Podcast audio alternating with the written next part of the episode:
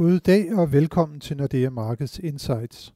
Mit navn er Helge Pedersen, jeg er cheføkonom i Nordea, og i dag er jeg i studiet med chefanalytiker Jan Størup Nielsen. Velkommen Jan. Tak. Det har været en uge, hvor stigende oliepriser og højere amerikanske renter igen har været i fokus på de finansielle markeder. Samtidig er dollaren begyndt at vise tænder og handler aktuelt på det højeste niveau over for den danske krone siden begyndelsen af året. Men også den svenske krone er begyndt at komme sig igen efter at have været en tur ned og runde det laveste niveau siden midten af 2009 over for kronen. Men Jan, hvis vi nu starter med olieprisen, den er jo steget kraftigt øh, i kølvandet på uro i Mellemøsten, USA's nye sanktioner mod Iran, efter man har trukket sig ud af øh, Iran-aftalen. Der er produktionsproblemer i Venezuela, og så har OPEC-landene og Rusland jo også indført begrænsninger på produktionen. Og vi har lige nu en oliepris, der er kommet op på omkring 80 dollar tønden. Det er det højeste siden 2014.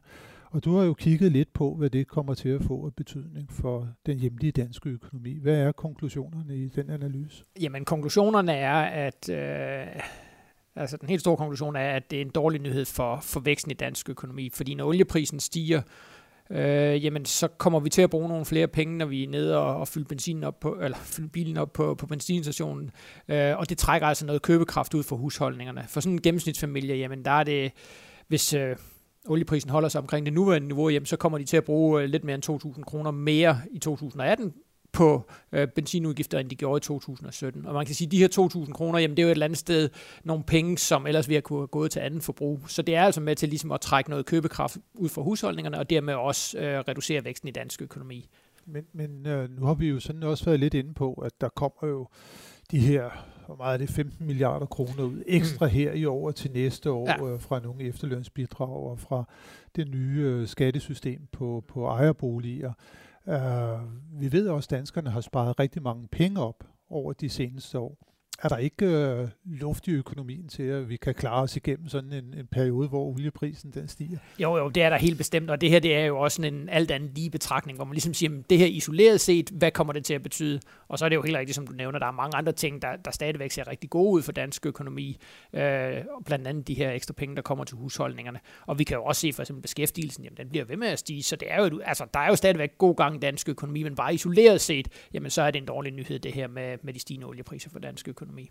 Men så er der noget med, at når olieprisen stiger, så bliver det lidt bedre for, for staten. Ja, øh, man kan sige, at inde i Finansministeriet, der er de nok ikke helt utilfredse med det, fordi øh, vi har jo stadigvæk en relativt stor olieproduktion øh, i Danmark, og den olieproduktion, jamen, den, øh, den giver nogle skatteindtægter til staten, og så, så staten de kommer faktisk til at tjene på det her. Vi har regnet os frem til sådan omkring 3-4 milliarder, øh, bare på den stigning, der har været i olieprisen, kommer ekstra i statskassen. Øh, hvad kommer det så til at betyde? Nu har du jo også været sådan meget inde på tidligere i, i, i, i dit arbejde, hvordan er statens nettofinansieringsbehov, det, det, det kommer til at udvikle sig, og vi måske kommer til at se mangel på, på danske statsobligationer. Hvad, kommer de her stigende oliepriser på nogen som helst måde til at påvirke det regnestykke? Jamen det gør det jo et eller andet sted, fordi det er jo øh, igen, altså de statslige finanser i, i, i Danmark har det rigtig, rigtig godt. Øh, der kommer rigtig store momsindtægter ind, og større momsindtægter, man havde regnet med. Øh, pensionskasserne betaler også meget store skatter ind. Øh, så, så når man kigger på, på statens finanser, så ser det rigtig godt ud, og det ser også bedre ud, end man havde regnet med bare tilbage fra øh, 2017. Øh, og det, altså man kan sige, det er jo selvfølgelig en, en rigtig god position for dansk økonomi, men det giver bare nogle udfordringer i forhold til øh, det her med, at man vil også samtidig gerne sælge nogle statsobligationer øh, for ligesom at holde likviditeten på det marked. Og der, der kan det altså godt give lidt problemer det her med, at, øh, at de offentlige finanser klarer sig så meget bedre, end man havde regnet med. Øh, så det, så det giver øh, nogle udfordringer, men man må jo stadigvæk understrege, det er jo selvfølgelig luksusproblemer at have, øh, at, der, at man ikke har noget rigtigt finansieringsbehov.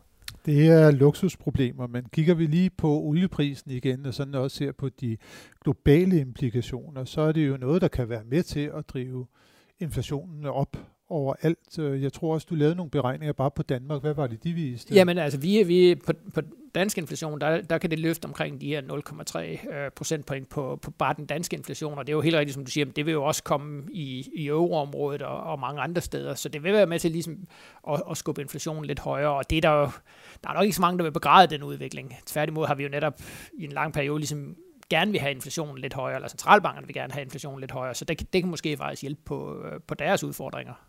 Ja, med at få inflationen op på den ja. målsætning på 2%, som de, de kæmper så voldsomt med. Men der er jo et sted, hvor inflationen den er næsten omkring de, de, de 2 procent, så den er også mere stabil nu. Det er i USA, og vi har jo også set, at de lange øh, amerikanske øh, statsrenter, de er begyndt at køre ret kraftigt op. Vi har nu en 10-årig statsrente i USA, der er på lige omkring 3,10 procent, og det er faktisk det højeste siden 2011. Øh, denne her stigning i de især amerikanske renter, har den også haft nogen betydning for den, den amerikanske dollar for eksempel?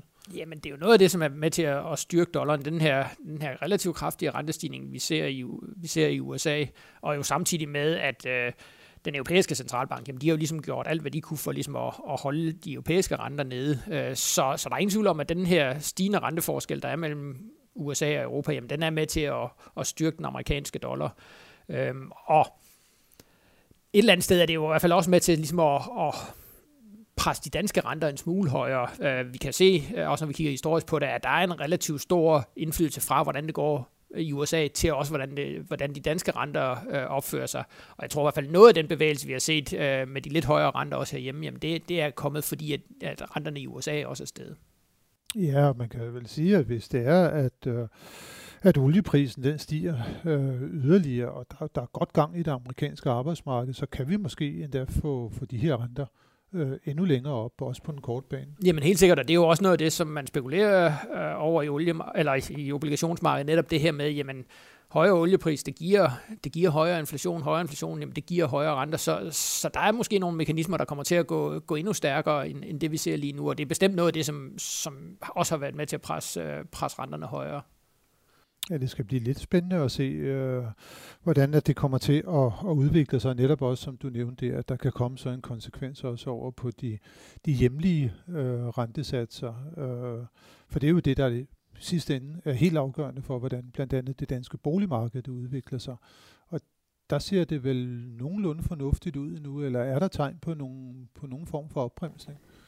Ja, men altså, øh, hvis vi lige, det er rigtigt, øh, renterne har jo en ekstrem stor øh, indflydelse på, på dansk økonomi. Nu snakker vi for, før med olieprisen, og, men det, der har endnu eller meget større betydning, det er jo, det er jo renteudviklingen. Øhm, og hvis vi kigger på, på det danske boligmarked, jeg synes, der er, øh, der er små tegn på, at, øh, at der sker opbremsninger, i hvert fald i de, i de dyreste områder. Man kan sige, det er jo sådan set også dybest set det, som man rigtig gerne vil fra, fra myndighedernes side. Man har været bekymret for, at, at vi ligesom skulle komme ind i en ny boligboble, at priserne skulle kører alt for stærkt opad i, i de store byer, øh, navnlig på ejerlejlighedsmarkedet. Og der virker det altså som om, at der, der er sket en, en vis opbremsning. Det er ikke sådan en, en katastrofeopbremsning eller noget, som vi, som vi ser i, øh, i Norge og Sverige, men det, det er trods alt en, en opbremsning. Øhm, og, og igen, det er jo præcis det, myndighederne rigtig gerne vil have. De vil rigtig gerne have, at boligpriserne, når man kigger på det som landsgennemsnit, kommer til at stige øh, med de her 2, 3, 4 procent om året, men at at de største prisstigninger finder sted der, hvor i de områder, som ikke har nyt gavn af store prisstigninger tidligere.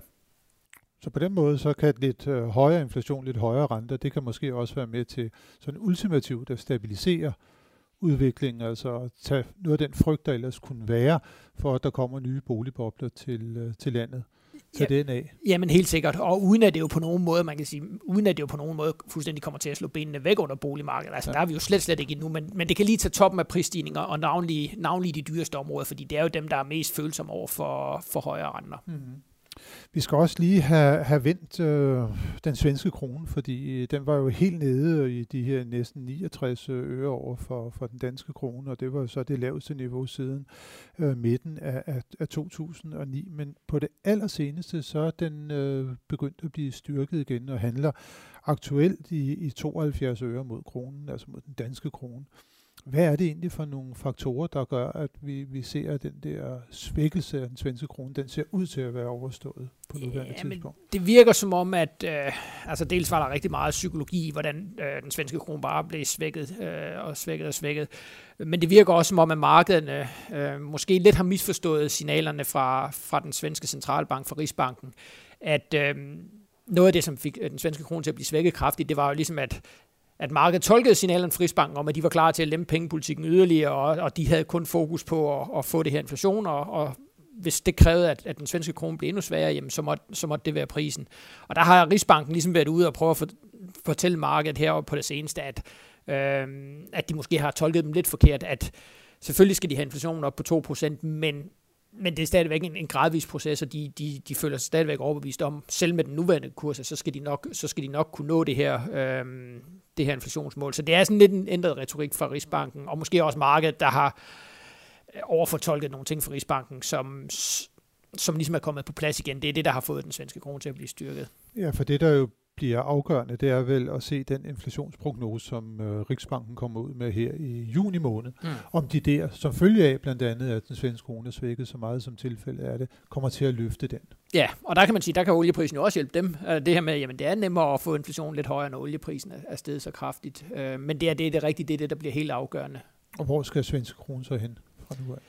Jamen, vi tror jo stadigvæk på, når vi kigger lidt længere ud i fremtiden, så, så skal den svenske krone styrkes. Vi mener, at den er, den er kørt for, for svagt i forhold til sådan fundamentale forhold. Øhm, så når vi kigger øh, lidt længere ud i fremtiden, så tror vi, at, at den her styrkelse, vi har set på det seneste, at den kommer til at fortsætte, så vi kommer til at se en stærkere svensk krone.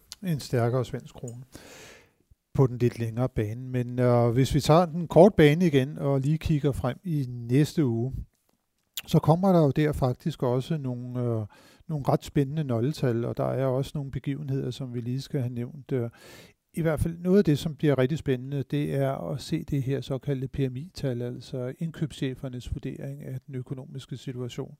Der kommer den såkaldte flash-indikator for det øh, på onsdag i næste uge. Hvad skal vi vente der?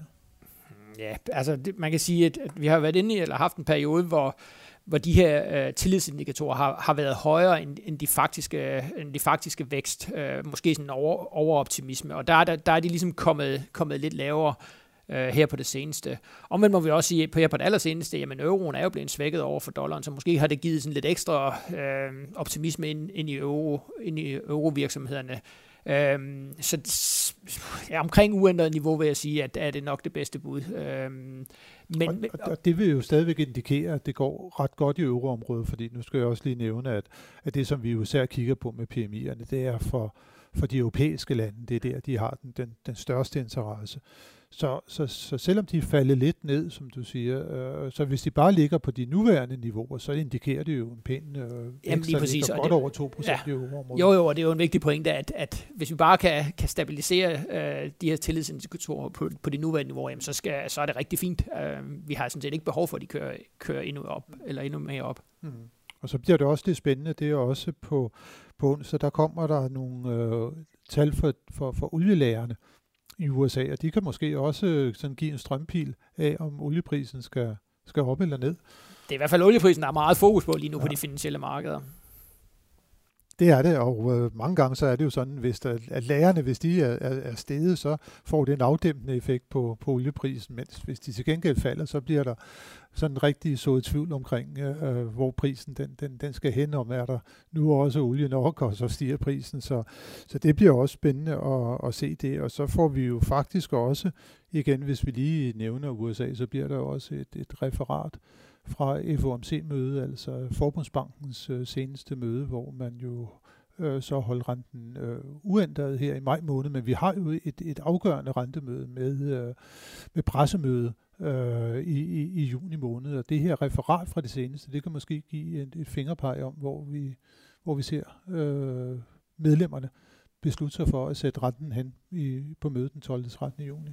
Ja, og der, der, der tror vi jo stadigvæk, at, at, at de vil komme ud og sætte renten op. Øh, vi mener meget klart, at de har signaleret, at det er den vej, de skal. Øh, og det er jo selvfølgelig også det, der har været med til nu snakker vi før om, øh, om den her styrke dollar høje amerikanske renter. Det er jo også meget signalerne fra den amerikanske centralbank, og det er også derfor, markederne vil, vil gå ned i hver eneste ord i det her referat og ligesom prøve at tolke på det, fordi det er så afgørende for, øh, hvordan renterne skal, og hvordan, øh, hvordan dollaren skal. Den skal bevæge sig øh, fremover. Så så det bliver, det bliver spændende, og så bliver det jo også, må vi her til helt afslutningsvis øh, sige, at der bliver det jo spændende at se, hvad der kommer til at ske med regeringsdannelsen i Italien, hvor at øh, Ligaen og Femstjernebevægelsen jo har, har planer om at indgå en, en, en ny regering, og frem for alt bliver det rigtig spændende at se, hvad sådan det endelige regeringsgrundlag, altså hvilken form for, for økonomisk program kommer, kommer de her to øh, bevægelser, som man jo godt kan kalde dem, øh, ud med. Vi har set en vis stigning i de italienske rentespænd, men øh, vi må vel også konstatere, at øh, bevægelserne har været øh, relativt øh, moderate, og det skyldes jo nok, at der ikke øh, er øh, tale om, at nogle af partierne, bevægelserne, de faktisk øh, har udtrykt et ønske om at trække Italien ud af euro samarbejde. Det her det er mere sådan et isoleret italiensk øh, problem, i hvert fald lige for tiden. Men det skal i hvert fald blive rigtig spændende at se, hvad næste uge, som jo også er pinseuge, kommer til at bringe os. Øh, tak for nu, Jan, og tak til alle jer, som har lyttet med på denne uges podcast. Det håber vi også, at I kommer til at gøre i næste uge, hvor vi er tilbage med friske analyser og vurderinger af de finansielle markeder. thank you